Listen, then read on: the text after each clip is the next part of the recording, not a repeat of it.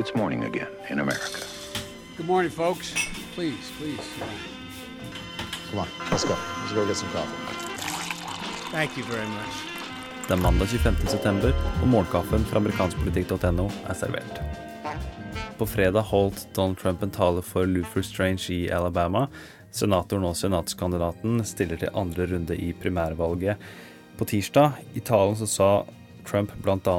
følgende. Wouldn't you love to see one of these NFL owners, when somebody disrespects our flag, to say, get that son of a bitch off the field right now, out, he's fired. He's fired! Reaksjonen kom raskt fra mange NFL-profiler rundt omkring i landet, som alle tvitra det de mente om Trump. Eh, og i går så var det også da markeringer på mange stadioner rundt omkring i USA. Noen knelte under eh, nasjonalsangen, flere enn tidligere, mens andre holdt hverandre i hendene for å markere samhold innad i laget, uavhengig av hva enkeltspillere gjorde. Tidlig mandag morgen ble det også kjent at president Trump har kommet med et nytt, oppdatert innreiseforbud til USA. Det var fordi det eksisterende ville gått ut i dag. Det er noen land på denne listen som var der opprinnelig, sånn som Iran, Libya, Somalia, Syria og Jemen. Men også er det også noen tillegg her, bl.a. Nord-Korea, Tsjad og Venezuela. Og med unntak av Venezuela, som har noe lettere restriksjoner enn de andre landene, så er det nå så å si umulig for mennesker fra de andre landene å komme inn i USA.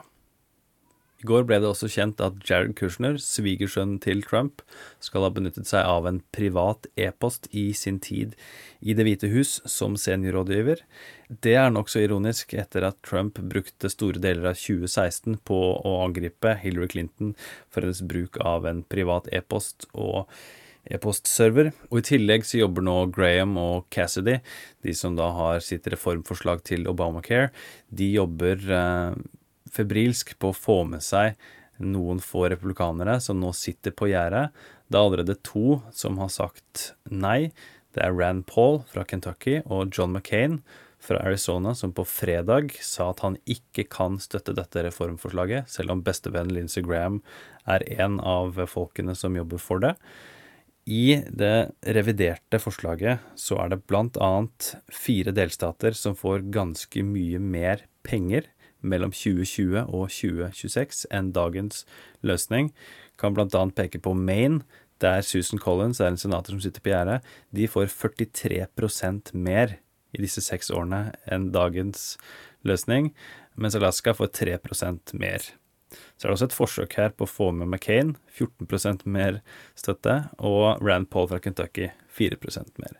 Så det her er da, kort oppsummert, I tillegg til noen andre endringer, forsøk på å kjøpe senatorer som sitter på gjerdet, men det løser jo ikke problemet som McCain og også Susan Collins har pekt på, at dette er en stor reform av en sjettedel av den amerikanske økonomien som ikke har vært gjennom de nødvendige prosessene som slike lover bør gjennom, for at folk skal vite hva reformen virkelig innebærer.